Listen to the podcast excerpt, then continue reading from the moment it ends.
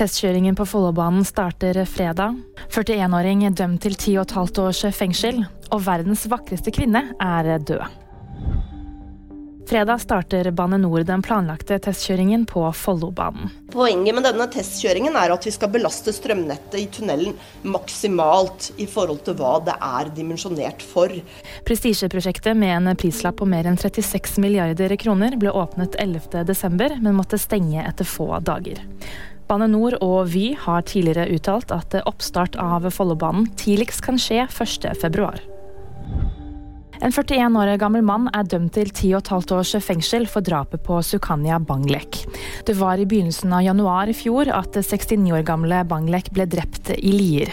Til TV 2 sier mannens forsvarer Jon Anders Hasle at hans klient ikke hadde hensikt om å drepe henne, og at dommen vil bli anket.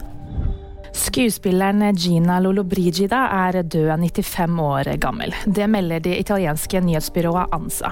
Lollobrigida hadde sin storhetstid på 50-tallet og fikk kallenavnet 'verdens vakreste kvinne'. Hun var en av de siste gjenlevende skuespillerne fra det som anses som Hollywoods gullalder. VG-nyhetene fikk du av meg, Anna Julie Bergesen.